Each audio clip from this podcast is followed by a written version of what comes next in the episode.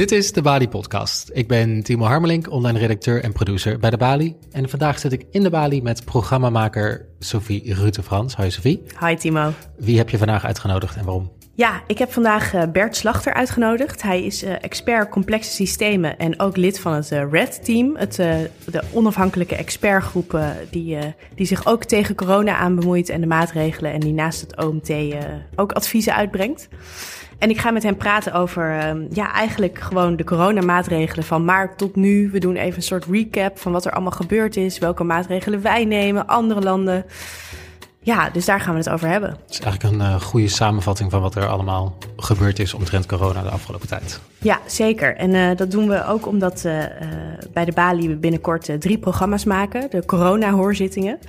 Um, en daarin gaan we eigenlijk uh, drie grondwetsartikelen doornemen. Um, want we gaan eigenlijk kijken van hoe zijn die artikelen nou... Uh, hoe zijn die in verband met de coronamaatregelen eigenlijk? Mm -hmm. Dus uh, we gaan het hebben over artikel 22. Uh, dat is uh, de overheid treft maatregelen ter bevordering van de volksgezondheid. Nou, dat staat dus in de grondwet. En daar kun je bedenken van, nou, logisch, de overheid moet ervoor zorgen dat iedereen gezond is. Maar hoe interpreteer je dat nou? Hè?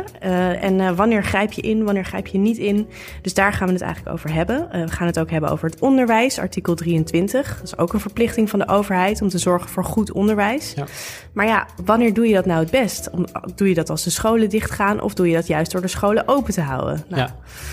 En tot slot uh, gaan we het ook nog hebben over privacy. Want ja, kun je als overheid eigenlijk wel uh, zeggen hoeveel mensen je in een huis mag hebben? Want als het je eigen huis is, gaat het dan niet over je eigen levenssfeer? Ja.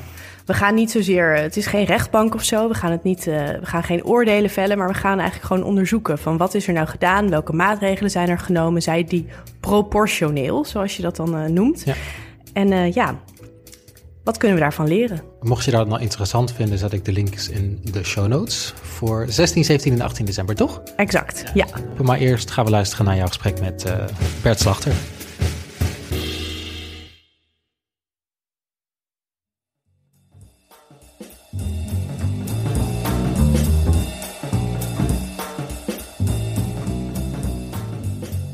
Ja, Bert Slachter, fijn dat je er bent. Goedemiddag. Um, Jij bent uh, expert complexe systemen en uh, je bent natuurlijk uh, regelmatig ook op televisie en op de radio en overal om, om aan ons uit te leggen wat we nu eigenlijk allemaal aan het doen zijn in deze coronacrisis.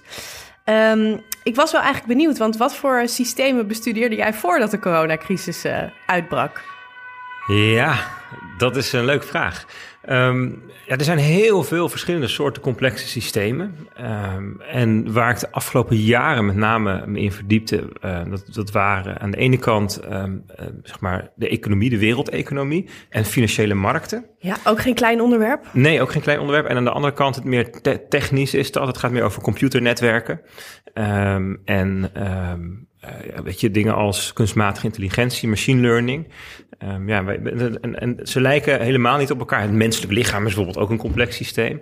Maar, maar er zijn dezelfde wetten eigenlijk die, uh, die daar spelen. Ja, wat zijn dat dan voor, voor uh, stelselmatigheden die je steeds terug ziet komen? Want jij was best vroeg bij. Jij zag in februari volgens mij al, dit gaat mis. Hoe kan het dat jij dat dan ziet aankomen? Ja, nou er waren heel, best wel heel veel mensen hoor, die, dit, die, die wel zagen van oké, hier is iets aan de hand. Ja. En, maar inderdaad, vanuit de complexiteitswetenschap waren opvallend veel mensen die zeiden oké, okay, uh, um, pay attention. Uh, jongens, let op, hier, is iets, hier, hier gebeurt iets en hier moeten we echt wel iets mee. Hier kun je, hier kun je niet voor weglopen. En dat heeft ermee te maken dat met, met exponentiële groei, hè, daar komen we, um, gaat, gaan dingen zo snel en escaleert het zo plotseling. Dat is een onderwerp dat kun je niet over de verkiezingen heen tillen. Je kunt het niet uit, je kunt niet zeggen, nou, stellen we even een jaartje uit. Je moet daar nu iets mee. En dat niet-lineaire, dat is in de complexiteitswetenschap heel bekend. En ook, laten we zeggen, epidemieën of pandemieën, dat is een schoolvoorbeeld van een onderwerp waar vanuit complexiteitswetenschap over nagedacht wordt. Wanneer besloot jij om je echt te mengen in het publieke debat over deze zaak? Ja, dus in januari toen eh, zagen, zag ik en, en, en eh, Peter, waar ik vaak onderzoek mee doe, zagen we al wel um, vooral heel veel economische effecten van dat Wuhan op slot ging op 23 januari en Um, uh, dus, dus dat de, containerschepen niet meer gevuld konden worden. En nou, in februari dan deed Coolblue zijn prijzen wat omhoog, zodat de voorraden intact, weet je, dat soort dingen. En, en nou ja, wij, wij, bestudeerden daarvoor al de economische, uh, economische tij. En dat was in 2019 eigenlijk al richting een recessie aan het gaan. Dus dat was heel, had onze interesse heel erg. En het verbaasde ons eigenlijk eind januari dat er niks gebeurde. Dat virus dat werd op allerlei plekken, eh, ik geloof op, op, op 25 januari waren, was er al 10 of 12 landen buiten China dat er uh, mensen met, uh, met coronavirus getest waren, aangetroffen waren. Kijk, en dan moet je je voorstellen, als je daar één iemand vindt, dan zijn er waarschijnlijk nog honderd. En want het is niet zo dat iemand zich uit zichzelf komt melden, hoi, ik heb corona. Dat moet je dus vinden.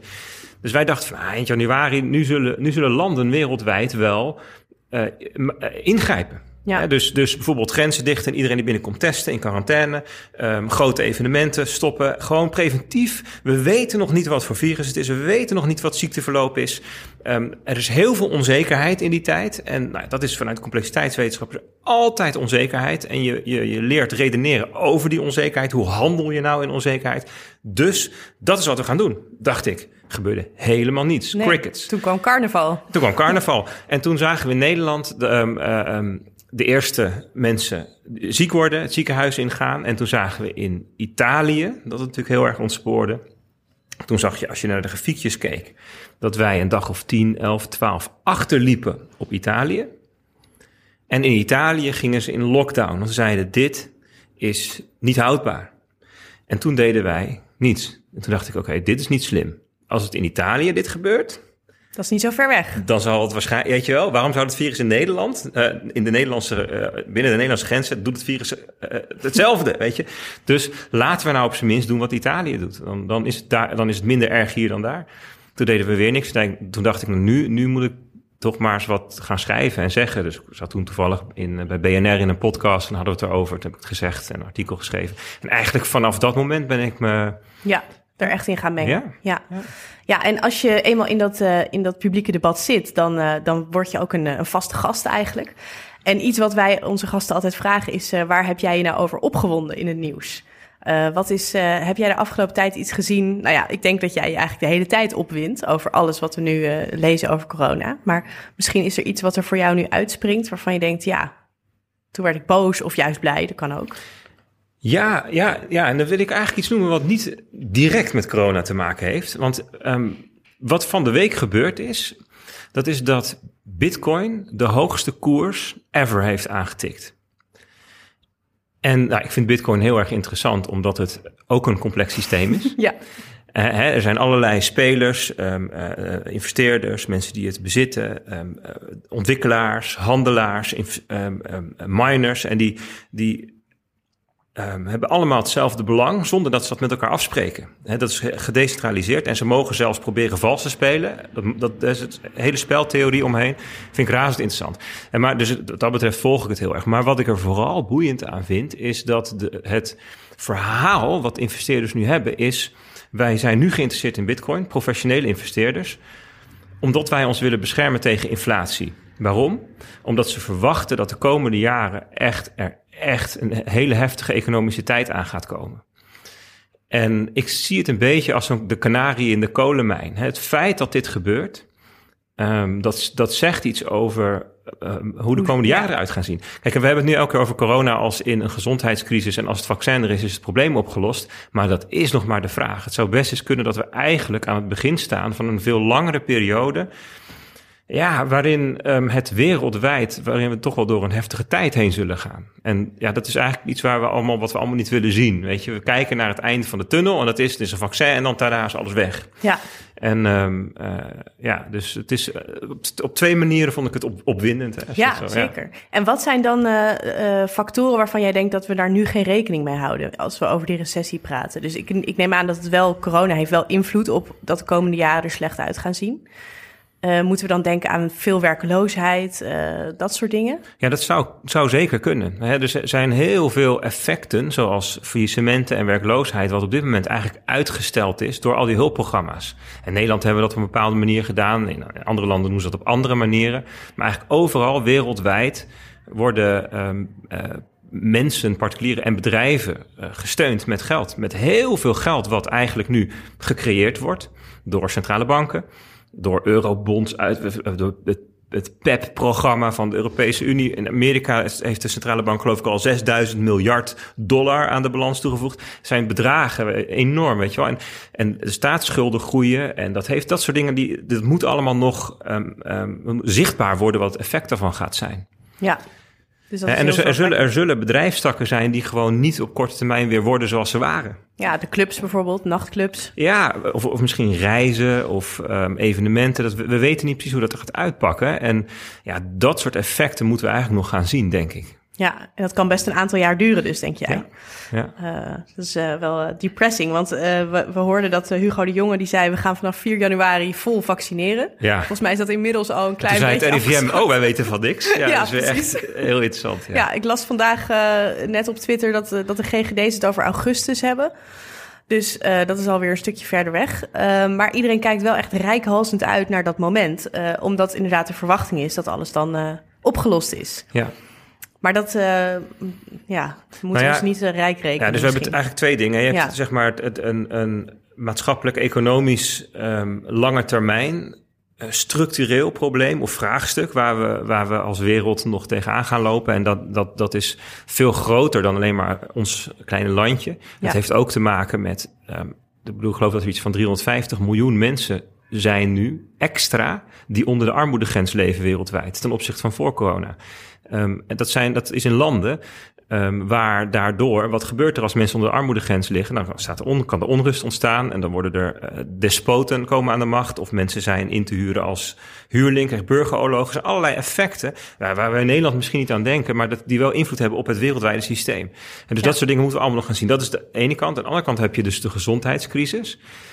En um, daar speelt het vaccin een rol in, maar is niet een silver bullet. Het is niet zo dat nee. wij in januari beginnen met iedereen inspuiten en daarna is het over. Nee. Dat is een, dat is, tenminste, kijk, niemand weet natuurlijk precies hoe het gaat lopen. Hè, want er zijn allerlei soorten vaccins en elk soort vaccin werkt op een andere manier. Maar voor hoe, hoe, wat we nu voor ons zien liggen, is het vaccin een van de vele dingen die uh, die we in ons gereedschapskoffertje hebben om met dat virus te dealen. Ja, en dat brengt ons eigenlijk ook een beetje op de actualiteit. Um, want het is wel goed, we hebben nu natuurlijk allerlei factoren. We hebben die, dat vaccin, dat komt eraan. Die sneltesten, dat wordt nu mondjesmaat steeds meer opgeschaald. Uh, maar het is natuurlijk ook uh, bijna kerst. Ja. Dus dat is iets waar mensen zich denk ik wel veel zorgen over moeten maken. Um, en we zitten nu een beetje, ja, hoe noemen we het nu? Een semi-lockdown? Een... Ja, we noemen het in Nederland de gedeeltelijke lockdown. De gedeeltelijke lockdown. Ik noem het ook wel eens ja. de kwakkel-lockdown. Ja, ja, ja precies. Ja. En een alternatief zou bijvoorbeeld zijn geweest dat we, dat we uh, in, in, maart een lockdown hadden. Uh, nou ja, op een gegeven moment ging dat toen weer een beetje open. En toen hadden we eigenlijk gewoon weer een strenge, harde lockdown moeten doen. Om misschien de mensen wat meer, uh, later weer meer vrijheid te kunnen geven? Ja, er zijn, er zijn verschillende um, theorieën over, over wat je zou kunnen doen. Hè. Een theorie is, van, dat is meer de, uh, een kleine groep die zegt, joh, uh, laat het virus gewoon vrij door, het, door de maatschappij heen gaan. En ja. we zien wel. En dat kan. Bedoel, we zijn natuurlijk een, een, een soeverein land. Wij zouden dat als, als burgers, als land met elkaar kunnen besluiten. Van uh, dat gaan we doen. En we, en, en we spreken met elkaar af. Dat is dan wel nodig. Van als je corona krijgt en je wordt echt ziek, ja, dan helaas mag niet ziekenhuis, dan sterf je gewoon thuis. Dat hoort er wel bij, want dan, anders wordt het zoveel mensen, dat zou niet passen en uh, dat soort dingen. Maar dat zou je kunnen afspreken. Um, dan heb je vrij snel weer dan heb je eigenlijk gewoon voortdurend vrijheid. Maar wel met een enorm risico wat je neemt. Dus het lijkt erop dat we daar geen meerderheid voor krijgen. Nee. Ja, de, het andere, een andere optie is dat je zegt van we willen het heel graag laag houden. Zo laag dat je alle instrumenten die, die dat virus kunnen beperken ook beschikbaar hebt. Zoals bronnencontactonderzoek. Want bronnencontactonderzoek is er niet alleen maar om um, zicht te houden op wat het virus doet. Dat, dat, dat doet ook. Hè? Je krijgt dus een, een idee bij hoe verspreidt, waar verspreidt het zich, op wat voor manier. Heel nuttig. Maar het is ook, het draagt ook op zichzelf bij aan het omlaag brengen van die verspreiding. Omdat je namelijk met bron, en met name brononderzoek uh, helpt daarbij, je bent in staat om mensen zich te laten isoleren voordat ze besmettelijk worden. En daar, dat is heel belangrijk, want nu, nu gaan mensen pas in isolatie als ze klachten krijgen en een positieve testuitslag hebben.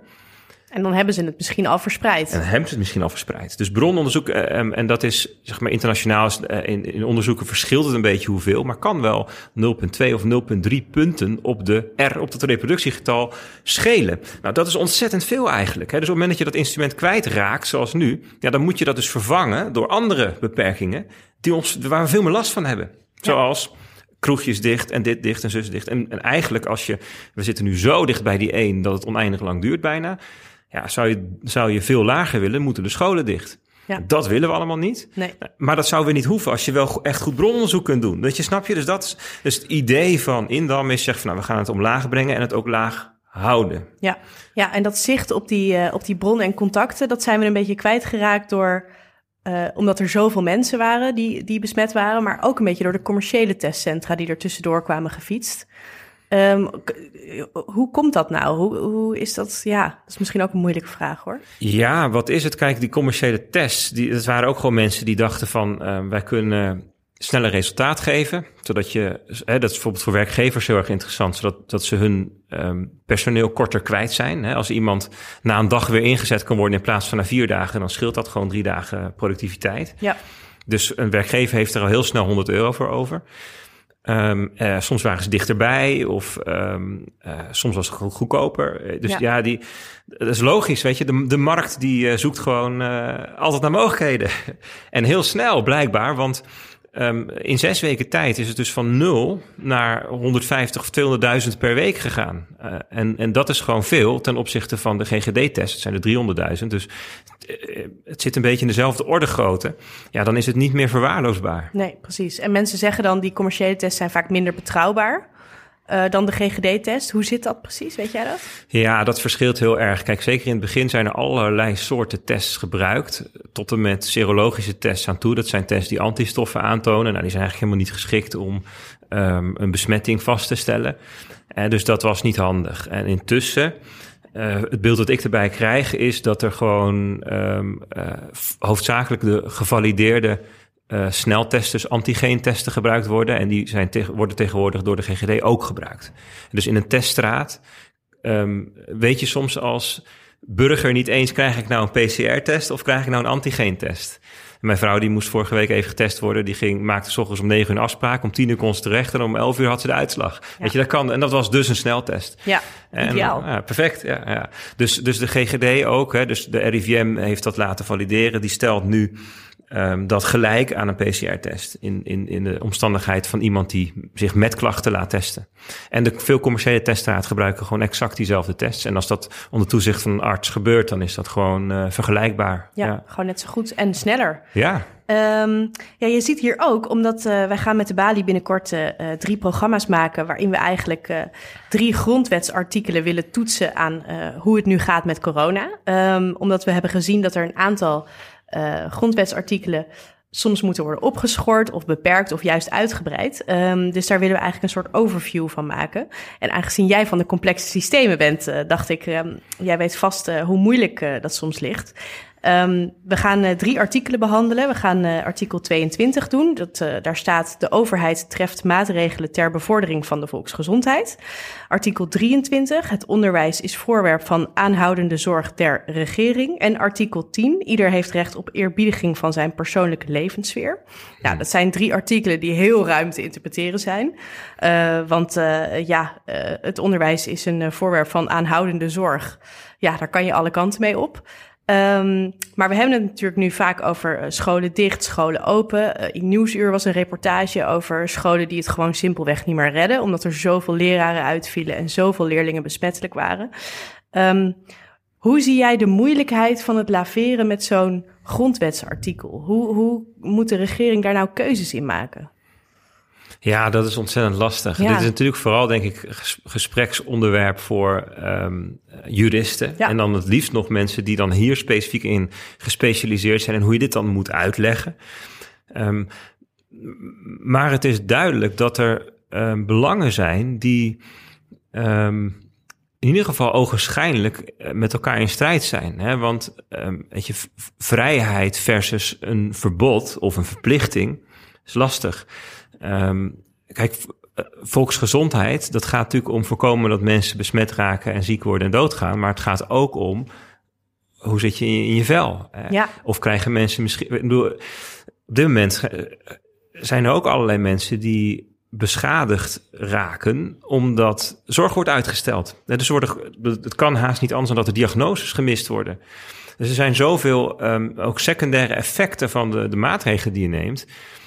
Ja, daar is denk ik niet één heel simpel antwoord op. Nee, nee. Behalve dat wat we natuurlijk wel zien in de praktijk, is dat de landen waarin ze succesvol het virus op een heel laag niveau houden, dat zijn de landen waar de scholen gewoon doorgaan, mensen behoorlijk veel vrijheid hebben en um, de, zeg maar, de gezondheidsschade het laagst is. Ja, dus eh, dat is geen oordeel, dat is gewoon observatie. Ja. En um, vaak komt er, volgt er dan heel snel achteraan, ja, maar dat zijn eilanden. Nou ja, Zuid-Korea is geen eiland en Noorwegen ook niet. Maar nou ja, dat geldt voor Australië en Nieuw-Zeeland wel, inderdaad. Ja. Um, hoewel er ook nog andere landen in Azië zijn die het ook wel goed doen. Um, maar ja. dat, is, dat is wel, denk ik, een aanwijzing. Hè? Dat, je, dat je zou kunnen zeggen van ja, weet je. Um, ik vind het ook altijd heel lastig. Ook altijd gesprekken was van de zomer heel erg van ja, weet je, het belang van jongeren is dat ze vrijheid nodig hebben. Jongeren hebben, jongeren hebben gewoon heel veel contacten. Die moeten heel veel um, uh, nog uh, ontdekken. Weet je, het eerste stuk van je studietijd is onwijs belangrijk. Nou ja, ik, ben het alleen maar bij aids natuurlijk. Maar um, um, dan wordt gezegd van ja, het belang van de jongeren is dat ze contacten kunnen hebben. En het belang van de ouderen is dat, ze, dat het virus niet rondgaat. Dus die staan tegenover elkaar. Ja. En nu heb je het ook, ja, het belang van de kinderen is dat ze onderwijs hebben. En het belang van de, nou maatschappij misschien. Is dat de scholen, weet je wel? Dus ja. het wordt heel erg tegenover elkaar geplaatst. Terwijl ik toch het idee heb op basis van die observatie dat het gezamenlijke belang is dat de virusdruk heel erg laag is. Maar in ieder geval om tot dat punt te komen dat we het succesvol onder controle hebben. Want dan heb je en al die grondwetten, wetsartikelen die, uh, die we gewoon kunnen ja, eerbiedigen. Intact. Ja. ja uh, en, um, en, en alle verschillende bevolkingsgroepen um, kunnen ja, weet je, hun belang of hun wens of hun... Uh, ja, ja. Tot hun recht komen. Ja, precies. Dus eigenlijk zitten we in Nederland als ik het goed begrijp, dan zijn we het een beetje aan het uitzitten. Dus we zijn het niet heel actief naar beneden aan het slaan. En we zijn het ook niet vrij aan het rondwaren. Uh, maar we zitten eigenlijk gewoon de hele te wachten. En eerst was het misschien een beetje die groepsimmuniteit. Dat werd toen wel weer een beetje teruggetrokken. En uh, nou ja, dat bleef altijd een beetje rondwaren. En nu is het dan het vaccin waar we op zitten te wachten. Uh, maar Klopt. het is natuurlijk niet gezegd dat, ja, dat, we kunnen natuurlijk niet in één dag iedereen vaccineren. Dus dat gaat ook nog een tijd duren. Nee, en, het, en je komt langzaam een beetje op een soort van, ook een soort van, um, um, uh, wensdenk of soort van hoop. Hè? En de vraag is van, is, die, is, is het optimisme terecht? Oké, nu ga ik weer even terug naar mijn rol als, vanuit complexiteitsdenken. Um, we hebben dat vaccin getest op uh, nou ja, weet je, zoveel duizend mensen. En er waren er honderd mensen die dan um, ziek werden, hè, besmet raakten in de controlegroep. En, en, en, maar een paar in de, in de groep die gevaccineerd was. Nou, dat is dan het resultaat. Um, hoe schaalt dat naar miljard mensen? Van 100 naar miljard. Hè? Dat is de, even, de, even de vraag van of, of we de dynamiek die we nu gezien hebben in die, in die, onder, in die trials, ja. of, of, dat, um, het, of, of dat hetzelfde is als je dat schaalt naar een miljard. Of dat, er dan, of, dat, of dat we dan dingen ontdekken die anders zijn. En dat is in complexiteit is dat een, standaard fenomeen. Dat de dingen die op een heel kleine schaal zijn, heel anders zijn dan die op een grote schaal zijn, uh, ziet. Dus de dynamiek in een gezin, in een huishouden, is, is, is um, anders dan de dynamiek in een groep van 100 mensen. Het is niet gewoon 25 keer een gezin bij elkaar. Je krijgt ander soort dingen. En een stad is, is, anders dan een dorp. Het is niet gewoon uh, tien keer het dorp of zo. Weet je? Dus je krijgt andere regels. Hè? Dus dat, dat, dat, dat zou hier ook kunnen. We ja. weten het niet en dat ja. moeten we nog achterkomen. En ik hoop dat het precies is zoals we het voor zich zien. Maar ja, we'll see. Dus je hebt helemaal gelijk van het lijkt een beetje uitzitten. Ja, en dat is best wel een pijnlijke strategie. Het is, kijk, zo, ze zeggen was die pleister, die moet je er in één keer aftrekken. En we zijn nu eigenlijk al vier uur bezig met het eerste stukje van de pleister, zo heel langzaam. Ja, ja, ja dat, blijft lastig. En om nog even terug te komen op dat vaccin, want je, je ziet nu ook dat de, de bereidheid tot vaccinatie redelijk laag ligt ten opzichte van andere vaccins die we vaak bij kinderen en baby's doen. Ik geloof dat het 40 tot 60 procent is. Mensen zijn een beetje huiverig. Snap mhm. jij dat? Ja, dat snap ik wel. Um, de andere kant is ook dat als straks blijkt dat het gewoon goed werkt, dan zullen de mensen wel over de brug komen. Um, een, een, een, voordeel is ook dat je niet 100% hoeft te vaccineren. Dat, hoeveel vaccinatie je nodig hebt hangt af van, um, ja, van eigenschappen van het virus, onder andere het reproductiegetal.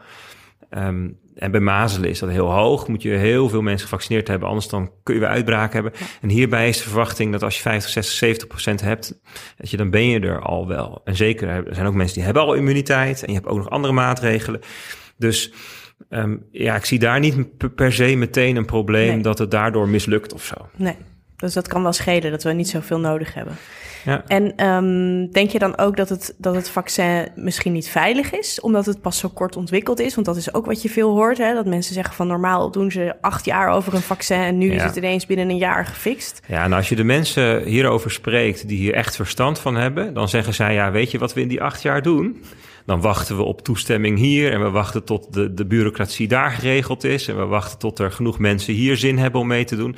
En nu um, zijn al dat soort, al dat soort geneuzel is weg. En dan past het ineens wel in veel kortere tijd. Uh, Dus ze zeggen eigenlijk van de, de, de uh, procesmatig en, en, en, en wetenschappelijk gezien is, er, uh, is het niet slechter dan al dat andere wat we gedaan hebben. Alleen doordat er nu zoveel belang bij is, kan het gewoon in kortere tijd. Ja, de hele wereld wil het hebben. Dus de hele wereld uh... wil het hebben. Er is een race. Dus de, um, kijk, het, het, het lijkt erop dat kwalitatief dat het niet onder gaat doen voor andere vaccins. Maar dat is aan de andere kant ook weer geen garantie dat er niks.